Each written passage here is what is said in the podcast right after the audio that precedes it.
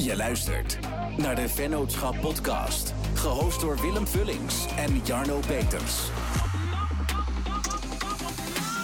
Vandaag zitten we aan tafel met uh, Wilbert Roelofs. In 2017 kwam ik bij hem terecht vanwege vage klachten als duizeligheid, druk op mijn borst en zat ik niet lekker in mijn vel. Uh, waar hij me uiteindelijk mee heeft geholpen waren ademhalingsoefeningen. Hi. Hey. Hoe is het? Ja, goed Willem, dank je. Jou ook? Met mij gaat het goed, ja, zeker. Zou je je eens kort willen voorstellen?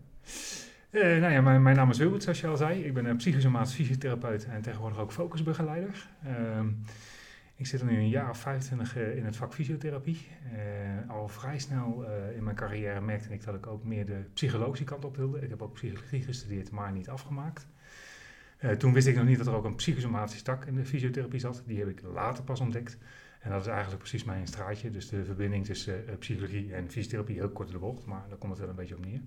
Wat, uh, wat houdt het in de praktijk precies in? Want mensen kennen een fysiotherapeut, maar psychosomatisch fysiotherapeut, ja. dat is een hele mond vol. Maar ik denk dat veel mensen nog niet weten dat het bestaat überhaupt. Nee, dat klopt. Ik wist het zelf toen ik begon als fysiotherapeut, wist ik het niet eens. Dus het is ook helemaal niet bekend. En, de beroepsvereniging geeft er ook eigenlijk weinig rugbaarheid aan. Ehm, misschien ook wel omdat we het druk genoeg hebben.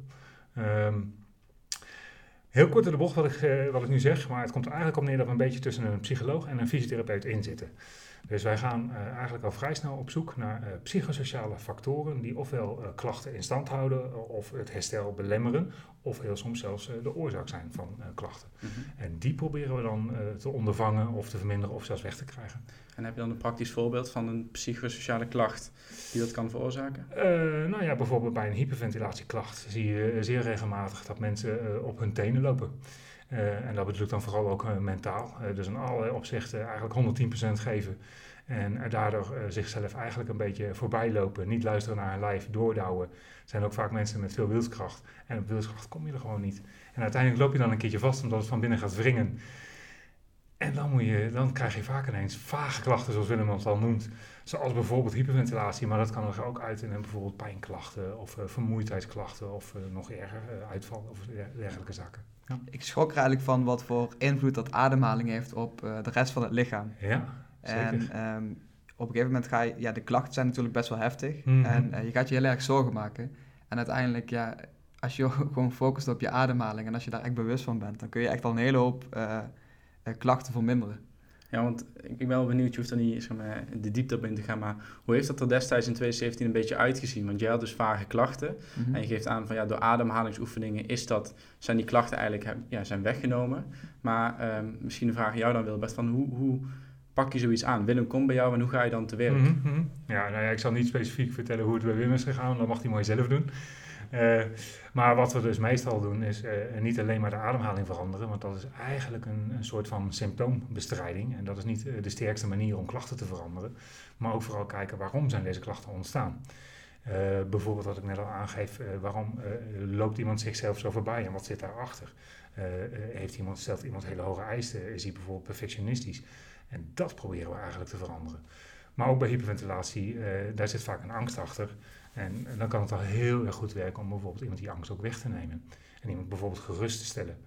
Dus geruststellen misschien een, uh, niet het beste woord hierin, maar die angst in ieder geval verminderen, laat ik het zo zeggen. Ja. ja. En uh, perfectionisme, je noemt het net, het is best wel een item onder ondernemers. Jazeker. Heel veel ondernemers zijn heel perfectionistisch ja. en hebben daar heel veel moeite mee. Mm -hmm. um, heb jij misschien een, een, een, een, snelle tip, en ik weet niet of dat zo makkelijk is, maar heb jij, heb jij een tip om ja, jonge ondernemers mee te geven die perfectionistisch zijn, waarvan ze ja, toch dat misschien een beetje kunnen loslaten? Ja, um, een snelle tip vind ik een echt een hele lastige. Ook omdat ik denk, een quick fix uh, uh, werkt niet bij, een, bij perfectionisme. Er zit heel veel achter vaak. Maar wat wel denk ik al uh, enigszins kan helpen is... Kijk eens of je tevreden kunt zijn met goed. Goed is goed genoeg. Heel veel perfectionisme zijn niet tevreden als iets goed is, maar moet nog beter. Ja goed is goed genoeg. Daar kom je soms al een heel eind mee. Maar wat ik zeg, het is wel een beetje kort door de bocht wat ik nou zeg. Ja. nee, dat snap ik. Het is ja. geen, er bestaat waarschijnlijk ook geen quick fix voor dat. Nee, uh, zeker niet. Perfectionisme. Nee, nee, nee, en als je echt klachten ontwikkelt door perfectionisme, dan is er vaak ook echt wel professionele hulp nodig. Oké. Okay. Ja. Maar ik heb al met al denk ik toch wel een jaar uh, ben jij mijn coach geweest. Mm -hmm. Zo noem ik het ook, ademhalingscoach. En eigenlijk sindsdien doe ik het nog bijna elke dag doe ik wel een oefening. En mm -hmm. nu voornamelijk Wim Hof.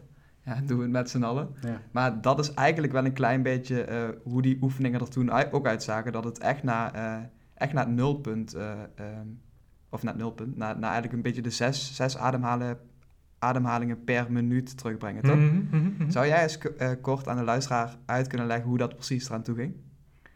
Die oefeningen zelf? Nou, dat, dat, dat gaat stapsgewijs. In eerste instantie probeer ik mijn cliënten, ik noem liever cliënten dan patiënten, eh, die leer ik wat een basisademhaling is en waar je op moet letten, wat je mag voelen en dergelijke. En dan ga ik stapsgewijs, gaan we die ademhaling veranderen, zodat die wat langzamer wordt, rustiger wordt, waardoor je uiteindelijk op die zes gemiddeld per eh, minuut uitkomt.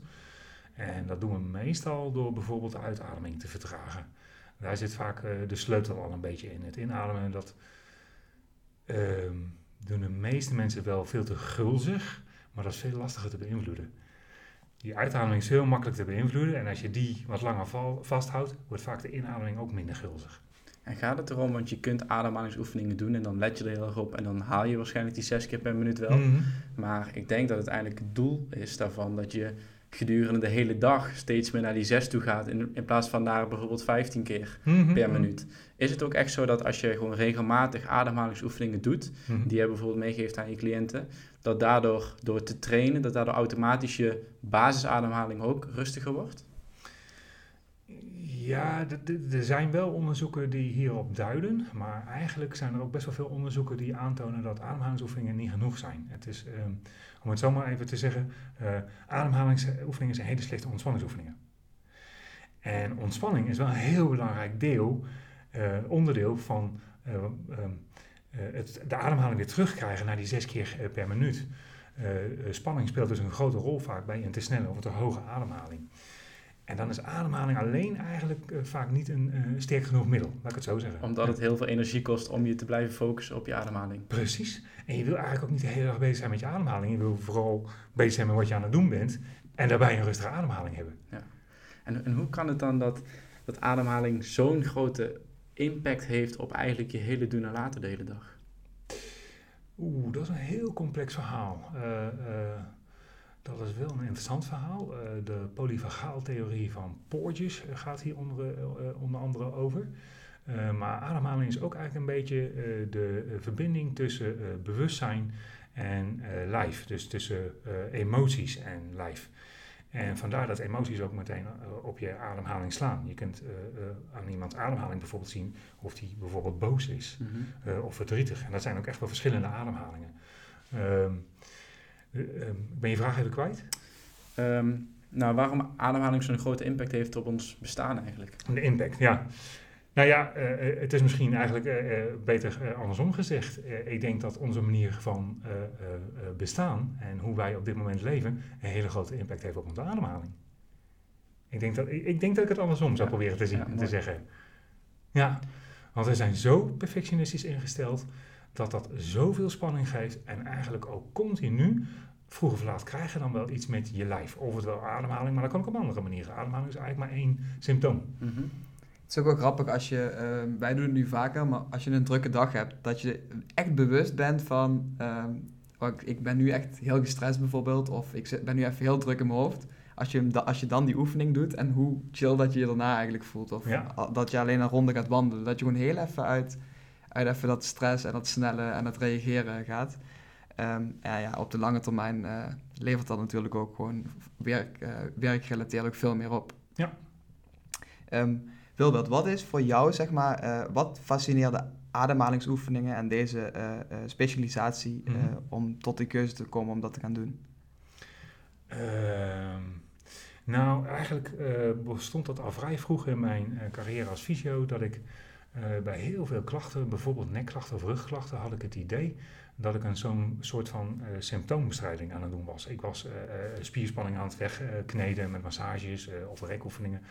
Eh, ik, ik was eh, eh, bepaalde, ehm, ehm, ja, hoe zeg je dat in goed Nederlands? Ehm, dysfuncties in de werfkolom noemen wij dat. Dus met andere woorden, de werfkolom eh, loopt niet altijd even goed, of er zit wat, wat stijf of vast. Of, dat was ik dan aan het losmaken.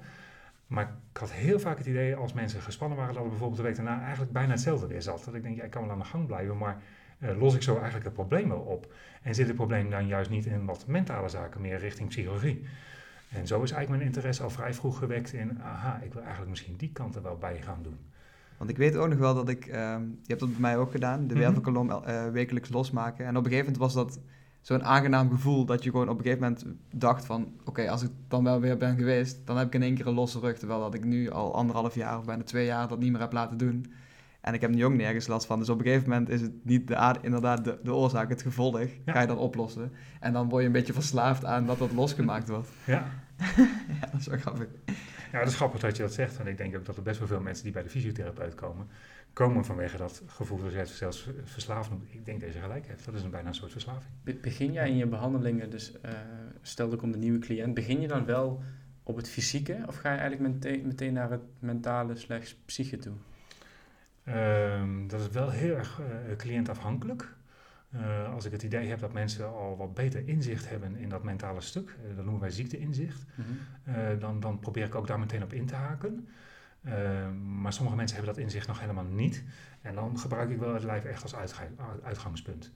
Um, aan de andere kant probeer ik ze ook wel altijd duidelijk te maken dat er wel een mentale kant van het verhaal zit. Ook al begin ik met het lijf als ingangspunt. Ja, ja dus je moet ze daar een soort van ja, deels een opleiden eigenlijk, dat dat ook een kant is die menige niet ziet. Ja, ja, ik neem ze soms bijna letterlijk aan de hand mee van, nou, zo denken wij dat het zit.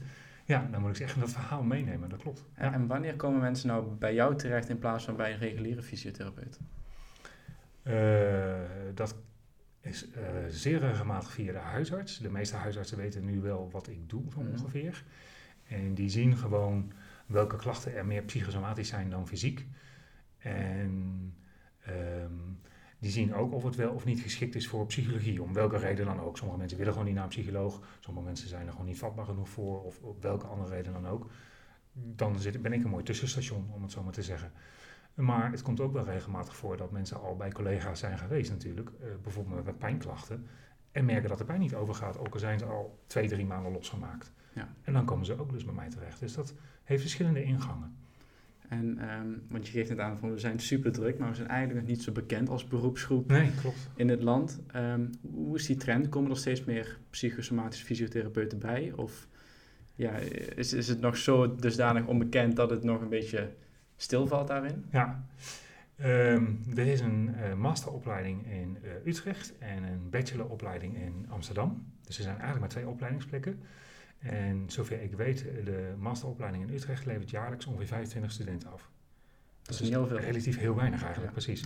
En voor Amsterdam weet ik niet precies hoeveel die afleveren, maar dat zal niet een veel groter getal zijn. Mhm.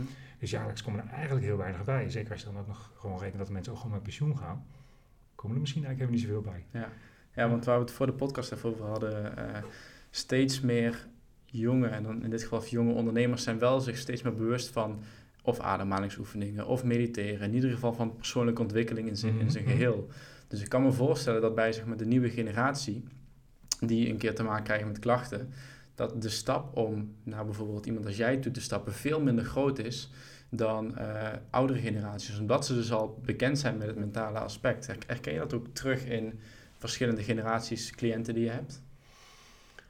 Uh, ja en nee. Uh, ja, in de zin van. Um, er zijn wel wat meer jongeren die eerder weten dat dit misschien beter bij ze past. maar van de ouderen zie ik er ook regelmatig veel, omdat ze gewoon al lang andere hulp hebben gehad en merken dat dat niet werkt. Mm -hmm. En dan proberen ze dit een keertje. Dus ik zie in dat opzicht wel echt alle generaties. Maar de jongere generatie komt eerder en, en heeft dan misschien nog helemaal geen andere hulp of andere fysio's gezien. Ja. Dus die komen eerder direct naar mij. Ja. Waarom ligt er zo'n stigma op het zoeken van mentale hulp? Oeh, dat is een goede vraag. Uh, ik denk dat dat best wel uh, een complex verhaal is, maar uh, een van de belangrijkste redenen is nog steeds, en is heel ouderwets, een soort van schaamte. Uh, schaamte op, op psychologische, mentale stoornissen, dan moet ik het maar even, het probleem is misschien beter gezegd. Um, en vooral de oudere generatie denkt dan vaak, ja, ik, het zit bij mij niet tussen de oren. Dat wordt vaak meteen toch als een stigma gezien van, ik ben niet gek. Ik denk dat dat echt nog steeds meespeelt. En ja, er zit toch psycho in de naam psychosomatische fysio. Dus die hebben dan meteen zo, ja, ik ben er niet gek, wat moet ik daar? En waarom is het niet nodig dat mensen zich daarvoor schamen? Um, Omdat de psychologie niet eh, het uitgangspunt is, denk ik. Eh, eh, ik blijf toch wel een fysiotherapeut. Dus, dus eigenlijk is het lichaam toch wel als eerste het ingangspunt. En het kan uiteindelijk psychologisch worden. Maar dat eigenlijk ook alleen maar in overleg met de cliënt. En als iemand dat niet wil, dan doen we dat niet. Mhm. Dan blijven we bijvoorbeeld toch symptoombestrijding doen en richting ontspanning en ademhaling en dergelijke werken. En dan niet, wordt er dan misschien niet gewerkt aan wat er oorzakelijk de klachten in stand kan houden dan nog kun je vaak best wel met uh, symptoombestrijding best wel veel betekenen, omdat er in dat opzicht soms nooit wat gebeurd is. Mensen hebben bijvoorbeeld nog nooit ontspanningsoefeningen gedaan. Dat kan best wel veel doen als je dat nog nooit gedaan hebt. Of mediteren of ademhalen. Ja, dus voor sommige mensen kunnen die, ja, die oefeningen, wat eigenlijk een soort van quick fixes zijn, als het misschien niet helemaal fixes, kunnen die toch wel een hele grote invloed hebben al op hun klachten, omdat ze het nog nooit ervaren hebben. Ja, zeker. Ja.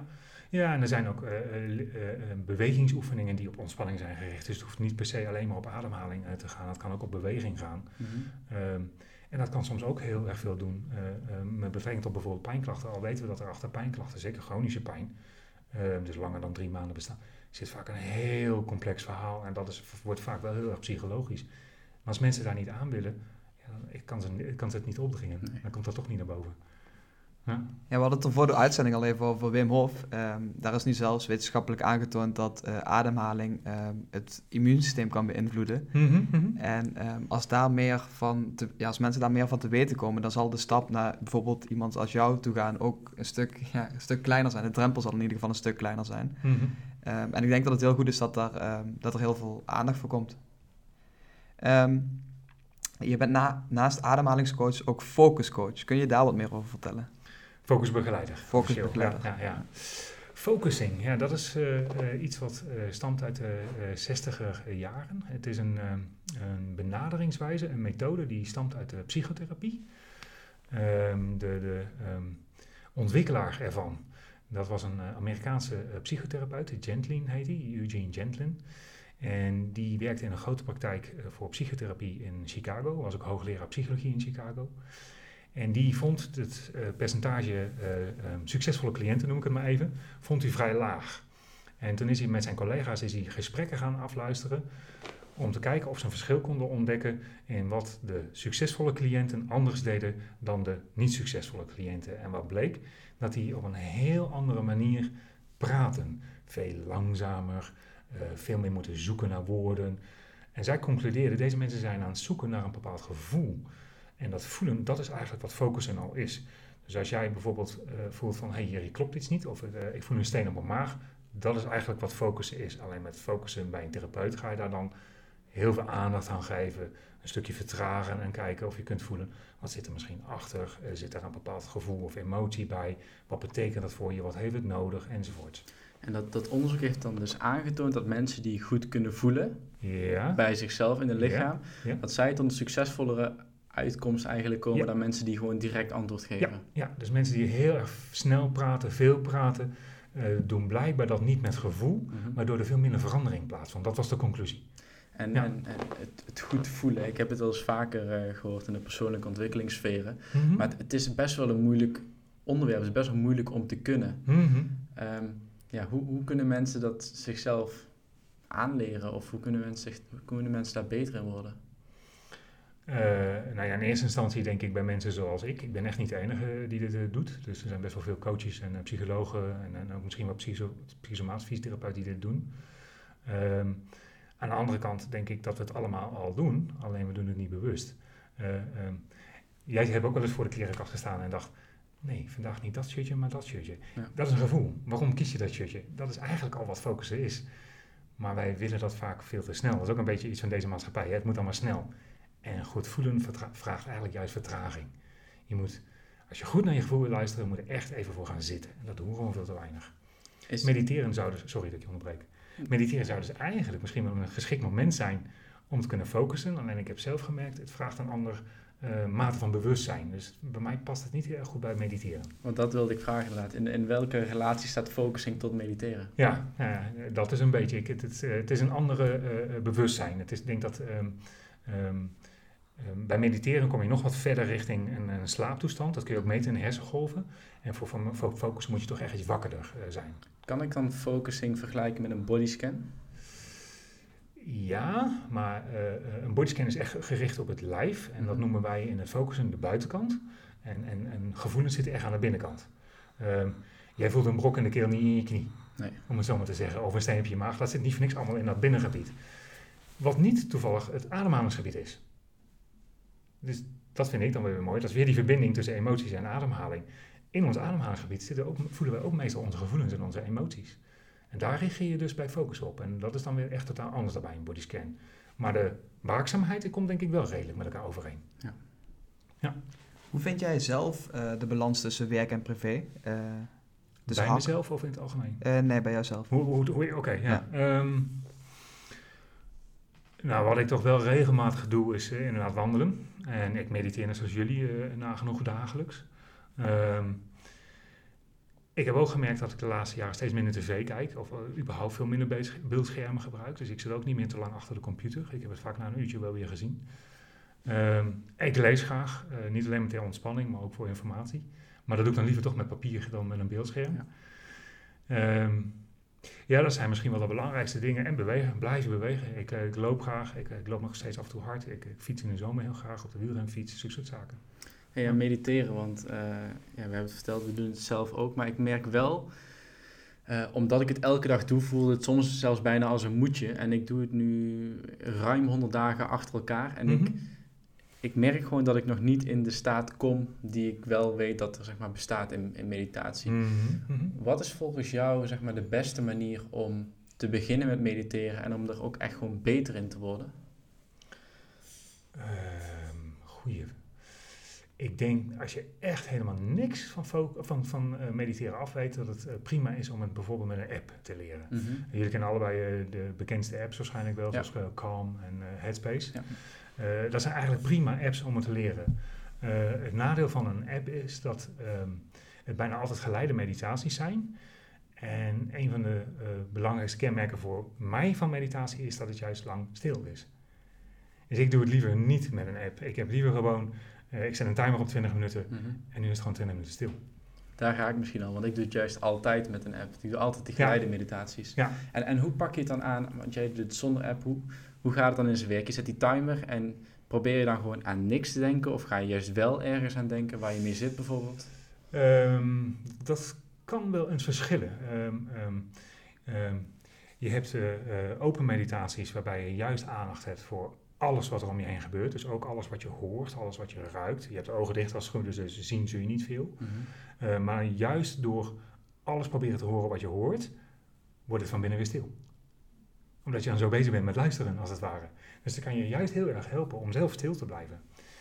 Uh, maar wat ik zelf ook prettig vind, is uh, een pure ademmeditatie. En alleen maar mijn ademhaling volgen.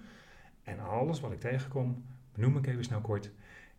En ik besluit er niks mee te doen, terug naar mijn ademhaling. Waardoor het ook weer stil wordt. Dat zijn twee totaal verschillende meditaties. En ik vind ze allebei heel erg prettig om te doen. En die laatste duurt dan gewoon echt 20 minuten lang. Focus op je ademhaling. Alles wat er in gedachten opkomt, benoem je even in stilte en laat je weer gaan. Ja, dat is een mindfulness meditatie. Die komt uit de mindfulness. Ja. Ja, uit ervaring weet ik wel dat uh, toen ik Headspace gebruikte, toen stoorde ik me heel erg aan die stem. Mm -hmm. En uh, nu uh, gebruik ik Meditation Moment van Michael Pilatschek. Ja. En die vind ik zelf wel heel fijn. En ik vind het eigenlijk ook wel fijn dat, dat het juist geleid is. Want als ik het zelf doe, ik, weet, ik ben er nog niet klaar voor om dat helemaal zelf te doen, denk ik, mm -hmm. 20 minuten. Ik ga het wel proberen. Maar um, ja, ik merk, ik merk wel precies wat jij zegt, dat het een moedje wordt, dat ik meer had dat ik me echt ga, ga storen en dat ik dan helemaal juist niet ontspannen ben. Ja, wat, wat, wat kun je zeggen over de lengte van mediteren als je gaat beginnen? Want ik neem aan dat een beginneling gaat niet meteen 20 minuten nee, stil liggen. En, nee, uh, um, ik denk dat het heel erg belangrijk is dat je je vooral niet bezighoudt met hoe lang het wel, wel of niet gaat. Um, iedere minuut die je pakt is een druppel, om het zo maar te zeggen. En heel veel druppels samen maakt uiteindelijk een oceaan. Dus, dus, dus um, ook al begin je met twee of drie minuutjes, dat kan al zoveel doen als je dat even tussendoor kunt doen, één of twee keer op een dag. Um, en hoe langer uh, je het kunt, uh, ja, hoe meer het je vaak wel brengt. Maar het zit hem niet in de duur, heb ik zelf tenminste gemerkt. Um, ik vind kwalitatief acht minuten mediteren, een goede meditatie van acht minuten kan soms meer doen dan een onrustige meditatie van 30 minuten. Ja. Dus, ja. ja. En wa waarom zet je dan toch zelf een timer? Ik heb zelf gemerkt dat voor mij uh, 20 minuten is een prettige duur eh, dan wordt het al wel zo lang dat ik er wat meer moeite mee ga krijgen. Maar ik, dat wil ik juist. Ik wil ergens tegenaan lopen, om het Ja. zo maar te zeggen. Eh, want daar, ont, daar vindt er juist eh, ontwikkeling plaats. Als het te makkelijk gaat, dan leer je niks, om het zo maar te zeggen. Maar hij is niet te lang om er tegenop te gaan zien. En Nee, voor mij, ja.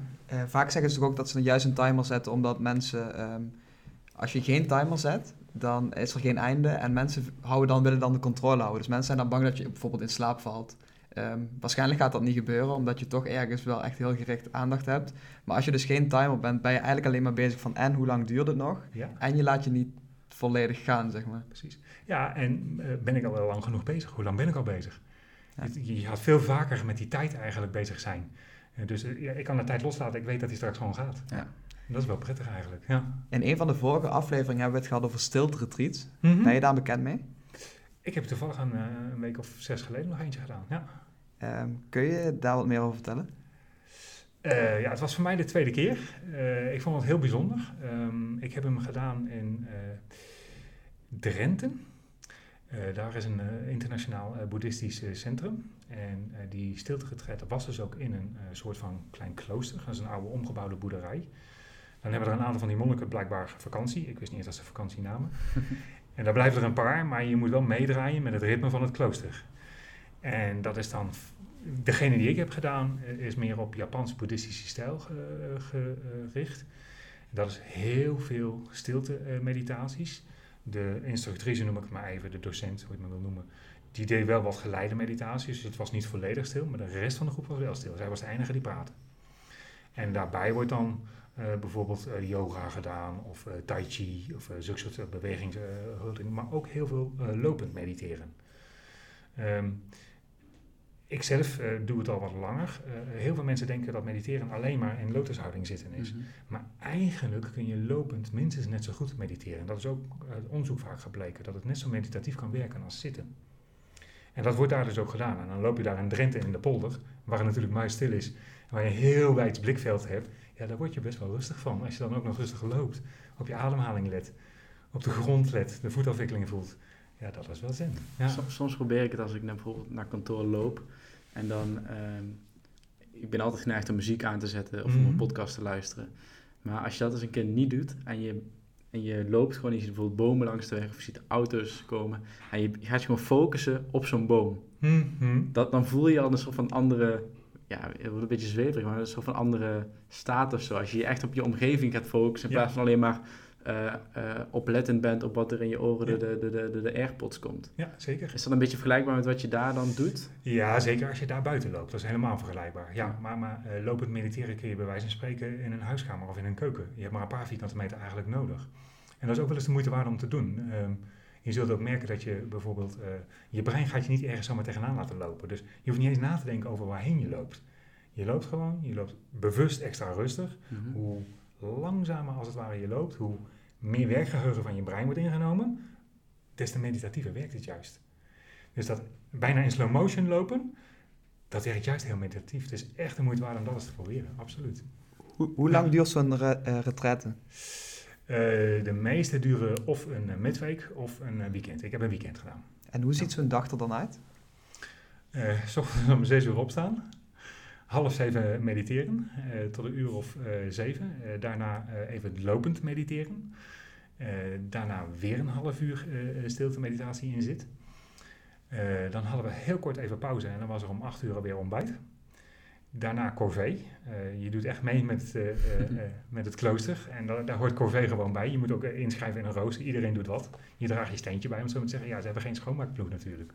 Dus je moet het zelf doen. Dat is wel mooi eigenlijk. Ehm, en dan vaak aan het einde van de ochtend toch nog even weer mediteren. Maar dan ook vaak even bewegen. Dus bijvoorbeeld tai chi of yoga of iets dergelijks. Tot aan de lunch.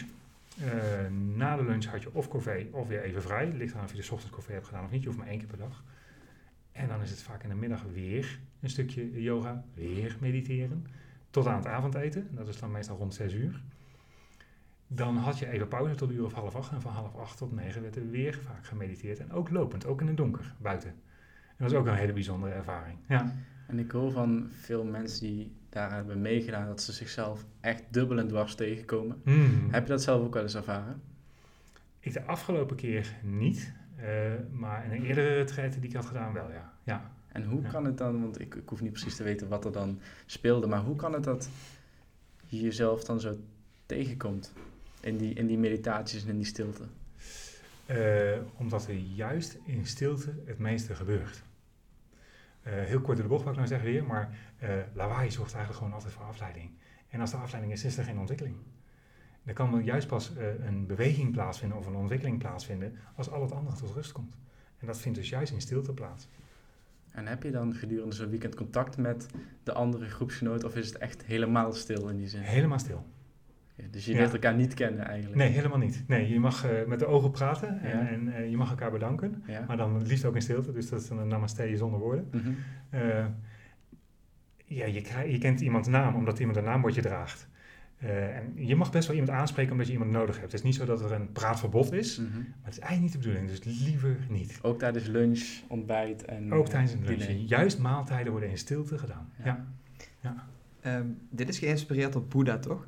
In heel veel gevallen? Ja, je hebt verschillende soorten boeddhisme. Dit was het Japanse boeddhisme die ik heb gedaan. Maar Um, geloof je daar ook in? Is dat ook? Nee, ik ben wat dat betreft uh, uh, misschien, uh, zoals ze dat tegenwoordig noemen, seculier boeddhist. Mm -hmm. Dus ik geloof niet dat er een, een Boeddha was, maar ik vind de leer van de Boeddha wel heel interessant.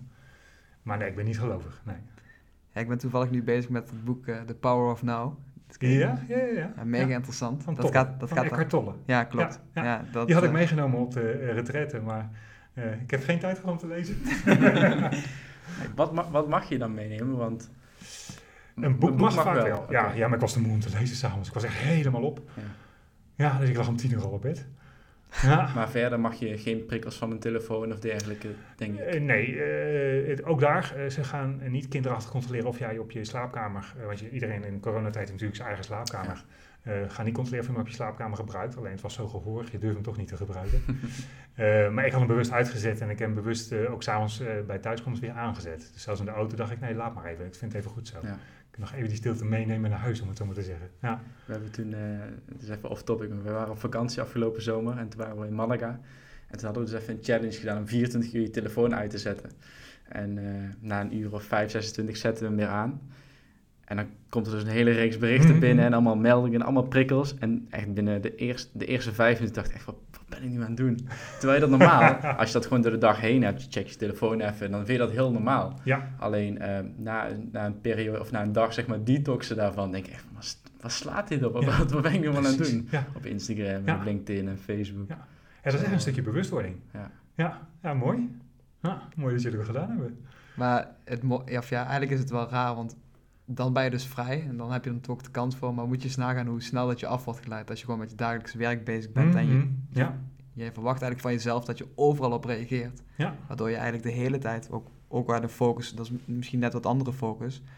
Uh, maar dan word je de hele tijd uitgehaald. En ja, eigenlijk is dat ook best wel respectloos naar je klanten toe. Ja.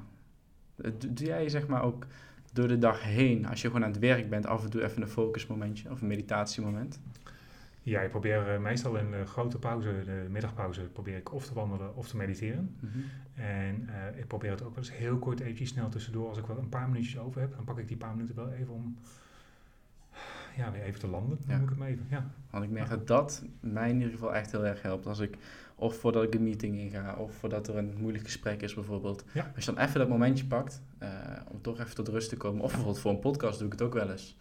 Um, ja, dat helpt wel echt enorm. Maar die, vooral die kleine momentjes inderdaad. Want je kunt mediteren zien als iets heel groots. S ochtends of s avonds voor het Mhm, slapen gaan. mhm. Maar juist die kleine focusmomentjes, die, eh, die kunnen ook enorm helpen. Ja, ben ik helemaal mee eens. Ja. We, we hadden het net ook even over eh, een stukje boeddhisme. Mhm. Ehm, de laatste tijd zie ik ook in verschillende boeken... ehm, ik weet niet of je hem toevallig kent van Ryan Holiday. In de stilte ligt het antwoord. Nee.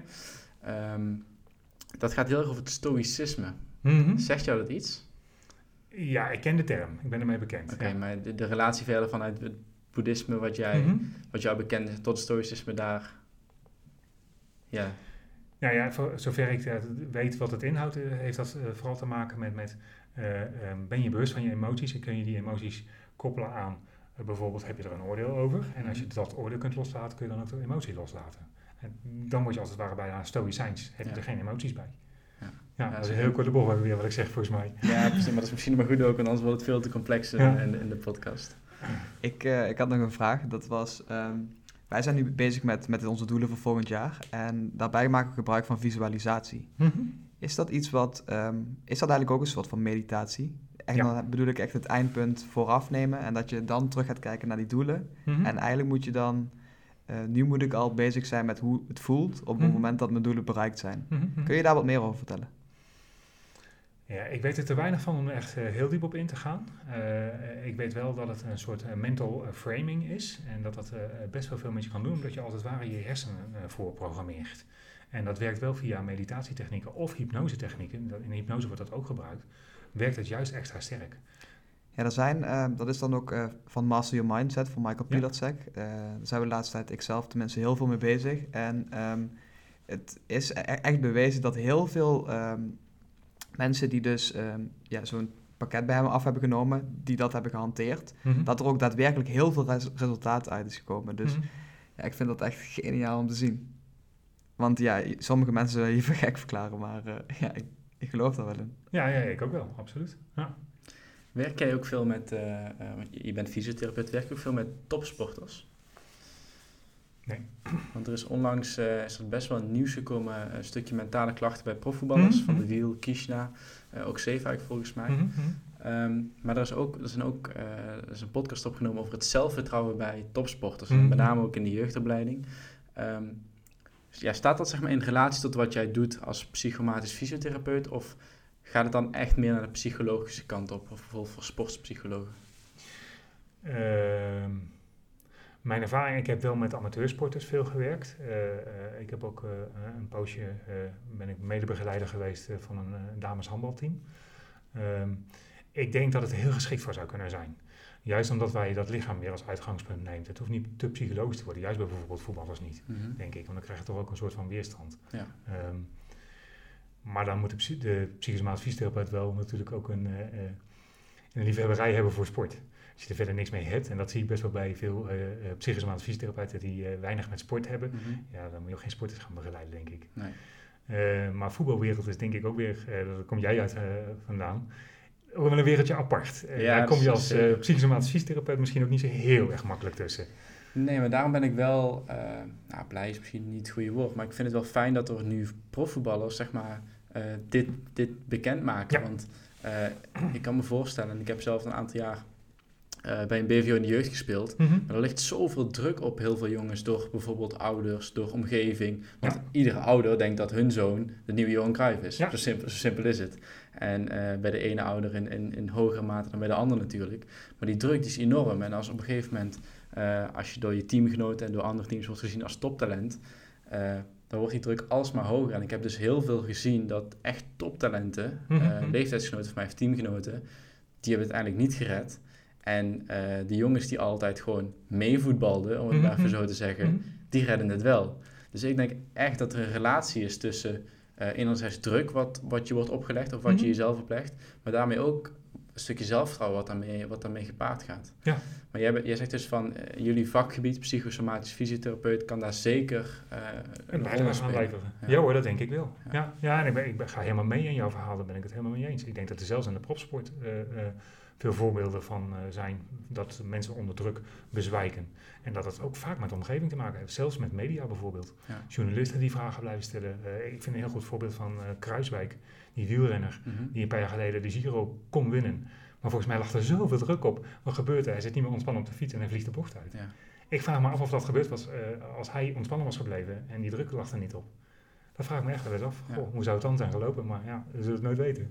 Misschien is wel een beetje, misschien is een psychosomatische fysiotherapeut wel de volgende in het rijtje. Want eerst heb je dus een, een reguliere fysiotherapeut mm -hmm. bij een voetbalclub. Nu zie je steeds meer dat ook osteopaten mm -hmm. een rol toebedeeld krijgen binnen, ja. een, binnen een club. Bijvoorbeeld Ajax, PSV zijn daar echt wel actief mee bezig. Mm -hmm. En als ik dan zo hoor en, en ja, de, de lijntjes van elkaar knoop, denk ik misschien wel dat psychosomatische fysiotherapeuten de volgende in dat rijtje kunnen zijn. Het zou kunnen, absoluut. Uh, maar als ik heel eerlijk ben, eigenlijk is er al iemand die daar perfect geschikt voor is. En dat zijn de, de sportpsychologen. Die worden nog veel te weinig in, in de arm genomen. Ik bedoel, iedere uh, topsporter in Amerika heeft gewoon zijn eigen sportpsycholoog. Ja. En in Nederland is het raar de, uh, als je een sportpsycholoog hebt. Nou, raar is misschien te groot gezegd, maar er zijn heel weinig voetbalteams met een, sportpsycholoog in dienst. Is dat een cultureel verschil dat ze dat in Amerika wel doen? Ook, ja, absoluut. In, in, in, eh, in Amerika wordt een eh, psycholoog eerder als een coach gezien. Mhm. Niet per se, ik heb een psycholoog nodig, want het zit niet goed in mijn hoofd. Nee, ik kan nog beter functioneren. Ik kan nog optimaler in mijn hoofd functioneren, waardoor ik een nog betere prestatie kan leveren. En juist in een topsport gaat het soms echt om tiende procenten. Ja, dan moet het in je kopje gewoon optimaal geregeld zijn. En daarvoor heb je gewoon een, een sportpsycholoog vaak nodig. Ik denk dat die erkenning dan wel komt bij jonge ondernemers waar we het over hadden. Dat ehm, als steeds meer bekenderen of, of voorlopers dat naar buiten dragen van het is echt een coach die me nog beter kan maken. Mhm. In plaats van, ja weet je, volgens mij, ben ik, ja, ik twijfel of ik gek ben. ja, Eh, precies. dat is het gewoon niet. Ik denk dat dat echt, wat je net, eh vertel, wat je net aanhaalde, Wilbert, dat is echt de mindshift die, die ze in Amerika bijvoorbeeld al heel lang hebben. En in Nederland nu is die denk ik wel op gang aan het komen. Niet van, ik ben gek, ik heb, of ik ben niet gek, ik heb geen coach nodig. Mhm. Of een psycholoog, maar ik kan nog beter worden. Of ik kan mijn Ja. prestaties kunnen nog optimaler zijn. Precies. En daar zijn eh, coaches voor. Ja, ja, ja, daar ben ik helemaal met je eens. Eh, wel een kleine kanttekening. Ik heb een jaar of eh, 22 geleden ben ik ooit begonnen met psychologie-studie. Eigenlijk zeiden we toen ongeveer hetzelfde als nu. Dus het duurt heel lang. Blijkbaar. Ja, want ook toen was het in Amerika vrij gewoon om een psycholoog te hebben, zeker als eh, topsporter. Ja. En toen zeiden we, ja, maar in Nederland komt het wel nu. Ja, het, het is nog steeds niet helemaal geaccepteerd. Ja, Misschien dat, so- nu kan social media wel een eh, goede invloed Ja. zijn. ja, Ja. kan een grote rol hierin hebben, absoluut. Ja, Wilbert, wat wilde jij worden toen je klein was? Eh, ja een makkelijke wielrenner. Ja, ik kom uit een fietsfamilie, Oké, dus dat was een makkelijke. Ja. eh, Ja. wielren je nog vaak? Eh, puur voor mijn plezier. Heb je vroeger dat ook echt als sp- sport beoefend? Of? Ik heb nooit wedstrijden gedaan. Ik heb wel eens een tijdritje eh, gedaan bij de club waar mijn vader bij fietste. Daar hoefde hij dan geen licentie voor te hebben, maar ik heb dus ook nooit een wedstrijdlicentie gehad. Dus ik trainde op een gegeven moment wel regelmatig en wel eens een tijdrit gefietst, maar nooit eh, in een criterium met een groot peloton meegefietst. Ze Dat zeggen, is vaak, misschien ook. ze zeggen vaak dat duursport of mensen die heel veel aan duur, duursport doen ook... eh, dat dat gerelateerd is aan ademhaling. Dat dat de ademhaling een stuk naar, beneden brengt, toch? Ehm, kun, je daar, heb je daar, kun je daar een verband leggen tussen dat wielrennen, ehm, hardlopen, wandelen en de ademhaling na zes seconden, zes keer per minuut brengen? Ja, ik denk dat dat een eh, eh, vrij eh, complex verhaal is. A, de ademhaling wordt natuurlijk supergoed getraind. Dus al die ademhalingsspieren die we hebben, diafragma, buikspieren, spieren heb ik het gewoon over. Die zijn perfect getraind. Aan een duursporten doen natuurlijk niet, zeker bij wielrennen, maar ook bij hardlopen niet. Alleen maar duur. Je trekt ook af en toe een sprintje tussendoor. Mhm. Dus ook al ben je al twee uur bezig, ja, maar ik wil ook nog even het bergje op sprinten. Even pieken. En dan gaan ze heel zwaar ademen. Dus die ademhalingsspieren die zijn perfect getraind. Dat is denk ik al een kant van het verhaal. Aan de andere kant denk ik dat duursporten heel erg meditatief kunnen werken. Ehm, van hardlopen is het zelfs bekend. Ik, ik heb een eh, klein groepje running therapie samen met een psycholoog. En dat is ook bekend dat dat rust geeft in het hoofd. En misschien zelfs ook wel lijfelijk wat ontspanning. Maar daar moet eigenlijk nog wat meer onderzoek naar gedaan worden. Ehm, maar hardlopen en wielrennen en skaten en alle duursporten denk ik, die kunnen heel meditatief werken. En dat draagt ook weer bij aan een rustige ademhaling. Loop jij dan hard met of zonder muziek? Ik heb het eh, wel eens gedaan met muziek en ik doe het alleen nog maar als ik een zware intervaltraining wil gaan doen. Om mezelf op te pompen. Ja. Maar eh, die doe ik nog maar één keer in de twee, drie weken eigenlijk. Dus ik loop eigenlijk grotendeels zonder muziek. Want Ja. ik denk dat ook hier weer geldt. Ik, ik ben weer zo iemand die altijd muziek in heeft. Mhm, eh, mhm. ook tijdens het hardlopen. Eh, ik denk dat ook hier weer geldt van dat, dat stukje meditatieve tijdens het hardlopen, dat kun je denk ik eh, makkelijk, veel makkelijker bereiken als je dus geen muziek in hebt. Dus Ja. gewoon geen prikkels en alleen je omgeving. Ja. Ja. wat je om je heen ziet. Ja, dat is ook mijn mening. Ja.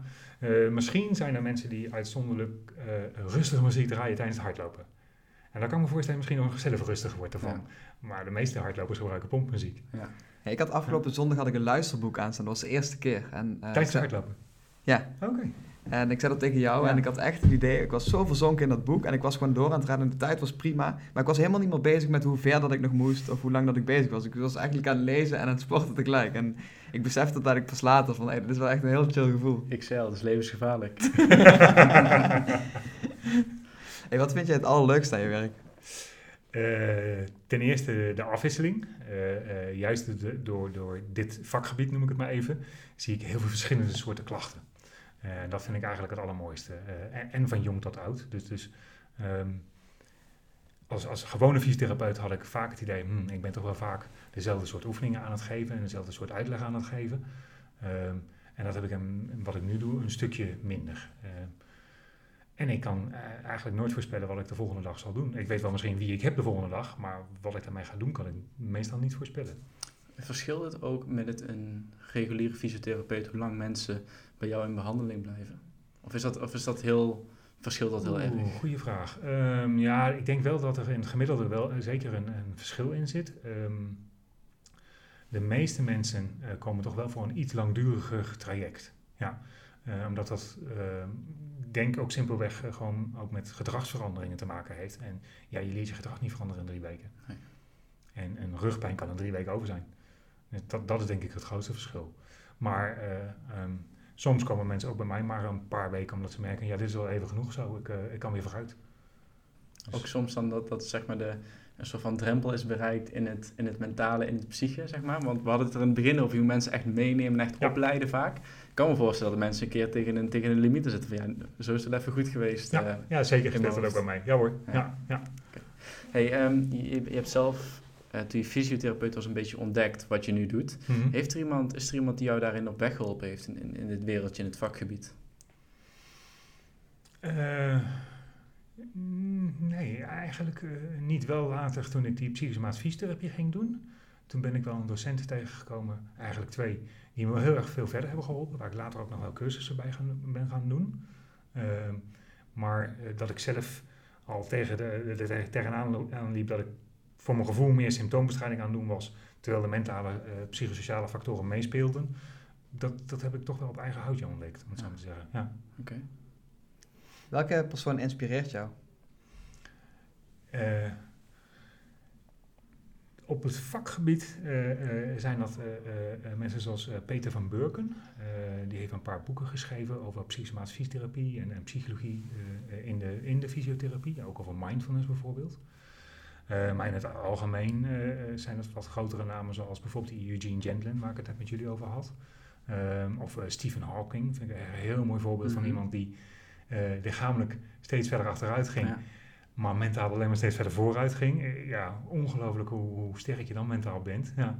Um, maar ook wat mensen zoals Mandela of um, uh, Martin Luther King, de, de, bekende namen, om het zo ja. te zeggen, toch? Ja. Het is grappig om te horen. Sommige mensen die halen juist heel veel inspiratie uit echt grote namen. Mensen mm -hmm. die ver weg staan over het algemeen. En sommigen zeggen van, ah, nee, daar kan ik eigenlijk helemaal niks mee. Ik zoek het echt in mensen om me heen. In, mm -hmm. uh, of zelfs in vrienden, kennissen. Maar ja. ook gewoon uh, misschien ondernemers of mensen binnen het vakgebied die toch wel dichterbij staan. Ja. het is wel grappig om dat verschil te zien. Ja, ik heb het allebei een beetje dus. Ja, ja. cool. Um, hoe zorg jij door de week in zelf voor een optimaal energieniveau? We hadden net al wat benoemd, zoals wandelen, ja. fietsen. Doe je nog meer dingen? Nou ja, voor mij vind, is de balans tussen uh, bewegen en, en, en uh, uh, rusten of, of zittend werken vind ik heel erg belangrijk. Dus als ik lang heb gewerkt en ik heb veel gezeten, dan vind ik het heel erg belangrijk om liever dan even te gaan wandelen dan om te gaan zittend mediteren. Want dan heb ik al veel gezeten. Ja. Dus daar let ik heel erg op. Ehm, ik let ook wel op goede voeding. Uh, ik ben toevallig ook uh, afgelopen jaar steeds meer veg vegetarisch gaan eten. Mm -hmm. um, en nu ben ik alweer een paar weken vleesloos en dat probeer ik ieder geval tot en met de kerst vol te houden. ik weet niet of ik vleesloos blijf, maar misschien ook wel, want het bevalt me eigenlijk best wel goed. Wat merk je daaraan? Um, ik ben sowieso een paar kilo afgevallen. een buikje is eraf wat er misschien wel tien jaar heeft gezeten en wat maar niet wegging, hoeveel ik ook hard liep. En nou ineens ben ik hem kwijt. Ik vond het echt heel frappant. Ik denk, hoe kan dat nou? Is dat, ligt het echt aan het vlees? Ja, ik geloof het echt. Um, en ik heb ook wel het idee dat mijn um, energieniveau uh, gelijkmatiger is. Er zitten misschien wat minder pieken in, mm -hmm. maar er zitten ook minder dalen in. Okay. En uh, dat geldt misschien ook wel een beetje voor mijn stemming.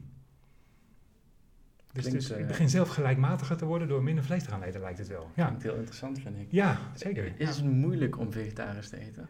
Ik vind het veel makkelijker dan ik had gedacht. Want ik was echt een vleesliefhebber.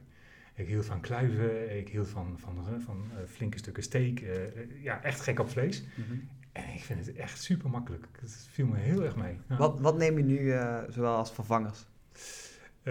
soms niet. Je, hebt niet altijd eiwitten nodig. Als ik niet zwaar gesport heb, hoef ik ook niet per se veel extra eiwitten te hebben. En ik haal mijn eiwitten ook wel een beetje uit yoghurt of kwark of zulke soort zaken. Uh, dus, dus soms eet ik gewoon veel groente, echt heel veel groente, met een uh, zelfgemaakte soep erbij of zo. Uh, dat kan een heerlijke maaltijd zijn, vind ik. Okay. maar soms ook wel gewoon echt bewust vleesvervangers, kipstukjes of gehaktballetjes, vegetarisch, zulke soort zaken. Maar dat doe ik nou eigenlijk omdat ik weet, ja, maar ik heb gesport, dus ik wil wat eiwitten. Ja. Ja. Eh, lees je veel? Ja. Heb je een leestip voor ons? En dan liefst op het gebied van zelfontwikkeling. Ah, op het gebied van zelfontwikkeling. Ehm, ja, misschien zijn jullie al bekend met het eh, No Nonsense meditatieboek van, god, hoe heet die eh, arts uit Luik? Ja, de, de, de auteur ben, moet, je maar, moet, moet ik jullie even schuldig blijven. Zo moet ik misschien even snel googlen zo. Ehm, een basisboek Focussen vind ik dan heel interessant van eh Anne Weiser Cornell. Dat is hoe je zelf kunt leren focussen, zonder dus een therapeut dat te doen. Mhm. En dat is wel echt heel erg gericht op zelfontwikkeling ook. Is dat goed te doen om het zelf te leren? Ja, ik vind van wel. Ik vind het wel nog steeds lastig om te doen. Ik doe het nu een jaar of vier. En ehm, ik ben iemand die vrij vroeg in zijn jeugd heeft geleerd om niet te veel op zijn gevoel te letten en, en niet zeuren en doorgaan. En, en daardoor eigenlijk, eh, ik heb heel, tientallen jaren op mijn hoofd gevaren, om het zo maar te zeggen. En als ik nu dus focus op voor mezelf, merk ik dat ik nog steeds regelmatig naar mijn hoofd ga en vragen ga stellen als van, ja, maar waar heeft het dan mee te maken? Of, ja, maar wat is dit dan? Of, ja, maar wat voor emotie zit erachter? Het gekke is, juist als je dat doet, ben je weg van je gevoel. Ja. En voel je dus al niet meer. Dus ik vind het nog steeds lastig, ook na een aantal jaren al. Ja. Maak jij belangrijke keuzes tegenwoordig op gevoel of een combinatie van beide? Wel wat meer. Het is bijna altijd een combinatie, denk ik. Uh, uh, je hebt toch vaak goede hoofdelijke argumenten waardoor je wel iets wel of niet moet doen. Ja. Maar juist bij twijfelgevallen ga ik op mijn gevoel varen. Ja, maar soms denk ik met mijn hoofd te weten, moet ik gewoon doen. En zeg mijn gevoel, no way, niet doen joh. En dan, dan vraag ik liever op mijn gevoel. Dat doe je het niet. Ja, ja, ja, ja, mijn gevoel zegt het dan niet voor niks. Ja. Je, merk je wel dat je om die keuzes, om je gevoel te vertrouwen eigenlijk, mm -hmm. dat je daar wat ervaring voor nodig hebt in het bijvoorbeeld het focussen of het mediteren? Of deed je dat daarvoor ook al? Kon je dat nee, al? nee, nee. Wat, wat bijvoorbeeld bij dat onderzoek van, van Gentlin uh, en zijn collega's eigenlijk ook kwam, dat een, een deel van de patiënten deed het al. Uh, geloof, uh, percentage moet je me niet op vastpinnen, maar ik geloof dat zo rond de 30% van hun cliënten, succesvolle cliënten dus, deed al voelen. Die waren al bezig met hun gevoel. Dus focussen is niks wat hij heeft uitgevonden. Alleen hij heeft een methode ontwikkeld om het mensen te leren die het niet doen van zichzelf. Maar heel veel mensen doen het eigenlijk al. En ik denk dat het ook cultuur bepaald is. Uh, uh, ik denk dat als je in Zuid-Amerika bijvoorbeeld uh, woont, dat het al heel normaal is om te zeggen: Nee, doe ik niet wat mijn gevoel zegt. Ja. ja. En, en, weet je wat heel raar is? Ik, in 2017 kwam ik dus omdat ik klachten had. En nu draai ik het eigenlijk helemaal om. En um, op dit moment ben ik ook door die ademhalingsoefeningen mentaal gewoon heel sterk. En um, durf ik volle bak te uh, vertrouwen op mijn intuïtie. Mm -hmm. En het is heel raar dat het... Je hebt een bepaald... Ik zie dat als een nulpunt en een minpunt. En nu zit ik dan helemaal op een pluspunt. Alleen... Um, eigenlijk ben ik heel dankbaar uh, dat dat moment toen is gekomen. En dat ik er zoveel van heb geleerd dat ik nu eigenlijk op een heel ander niveau erover, ja, met, dat mee bezig kan zijn. Zie je dat vaker? Uh, ja, dat zie ik wel vaker. Uh, helaas nog te weinig, uh, zou ik bijna zeggen. dat, heeft, ja, dat heeft met zoveel factoren te maken. Maar ja, een mooie compliment kun je eigenlijk niet geven, dankjewel. Ja. Want dat is wel wat ik uiteindelijk vaak het liefst zie. Of ja, want ik heb je nog een mailtje gestuurd. Ja, ja. Klopt, ja, ja, dat vond ik ook echt gaaf. Ja, ja. En ik zie het wel eens vaker, maar ik zie ook wel dat mensen soms toch wel met issues blijven zitten die ze dan of niet durven aanboren of waar ze gewoon nog niet aan toe zijn om het ook echt een plekje te geven. Soms zijn dingen gewoon nog te groot en dan, um, dan ben je er gewoon nog niet aan toe. Ja. En dan zie ze soms een paar jaar later terug bijvoorbeeld, of gaan ze naar een psycholoog die dat ook doet, of wat dan ook. Ja, ja mij, uh, mij lijkt deze podcast ook mooi om daar gewoon überhaupt wat, um, om, ja, gewoon om het erover te hebben. En uh, het zou mooi zijn als we iemand kunnen inspireren, motiveren of aanzetten tot actie. Ja, om het bespreekbaar te maken Ja. überhaupt. Ja. Want, want bij jou... In 2017 hebben, we, hebben jullie eigenlijk ademhaling eh, en dat soort oefeningen als soort van behandeling gebruikt, Mhm. zeg ik het dan goed. Ja. Wij doen het nu voornamelijk ook preventief. Mhm. Want je gaat je er enerzijds wel direct rustiger door voelen, Mhm, mhm. maar anderzijds ben ik er wel van overtuigd dat dit soort bewustwordingsoefeningen, als ik het zo kan noemen, dat die er wel voor zorgen dat je op lange termijn dingen als bijvoorbeeld een burn-out of andere eh, ja, mentale klachten en misschien ook wel fysieke klachten kunt vermijden. Mhm. Dus preventie werkt daarin ook wel, speelt daarin ook wel een grote rol. Ja. Zullen wij eh, naar de dilemma's gaan, Willem? Ja. Want we zitten alweer tegen het uur aan. Ehm, wij, Jan en ik gaan je om zijn beeld een dilemma voorleggen. En het is de bedoeling dat je zo snel mogelijk antwoordt. Ik moet kiezen. Amsterdam of New York? Amsterdam, ik ben er nooit in New York geweest. Ochtend of avond? Avond. Bellen of whatsappen? Bellen. Specialist of generalist? Oeh.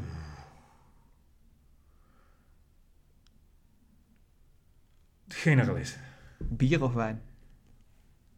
Ja, daar kan ik niet tussen kiezen. Dat is echt zo van het moment afhankelijk bier. ik, ik denk dat we weten, maar naar gym of hardlopen? Hardlopen, ja. Camping of luxe hotel? Camping. McDonald's of sushi? Sushi. Club of kroegtijger? Oeh. eh kroeg. Leider of volger? Leider. Film of serie? Film. Radio of podcast? Radio vanwege de muziek. Wandelen of fietsen? Ja, dat kun je mij niet vragen. Verdorie. Ja, nou ja, vooruit wandelen. Wintersport of zonvakantie? Eh, dan zon. Koffie of thee? Thee. En tenslotte spreken of luisteren? Luisteren. Hey, en bij specialist of generalist zag ik jou heel, heel moeilijk nadenken. Mhm. Ehm, je, je bent specialist in je vakgebied, dus ik ben Mhm. benieuwd waarom je toch koos voor generalist. Ehm, omdat ik heb gemerkt dat ehm, wat ik doe in mijn vakgebied, eh, dat het eh, mij in ieder geval heel veel voldoening geeft als ik veel verschillende benaderingswijzen en methodes tot mijn beschikking heb, in mijn gereedschapskistje heb, om het zo maar te zeggen. Mhm. Eh, in plaats van ja, maar één of twee heel veel te doen en, en heel goed in te worden, Ja. word ik liever redelijk goed in veel methodes. En dat heeft zo zijn nadelen, want dat betekent dat als iemand met heel specifieke klachten komt, dan ik dan misschien net niet specialistisch genoeg ben. Maar dat, ja, dat is toch uiteindelijk dan de keuze die ik liever maak. Ehm, ook omdat ik gemerkt heb dat mijn werk voor mij dan leuker blijft. Ik denk dat als ik heel specialistisch word en één ding heel vaak doe en heel goed in word, dat ik dan daar niet gelukkiger van word in mijn werk. Dat is de variatie die je net aangaf, wat je juist heel prettig vond Precies, bij je ja, werk. precies. Ja. Leuk.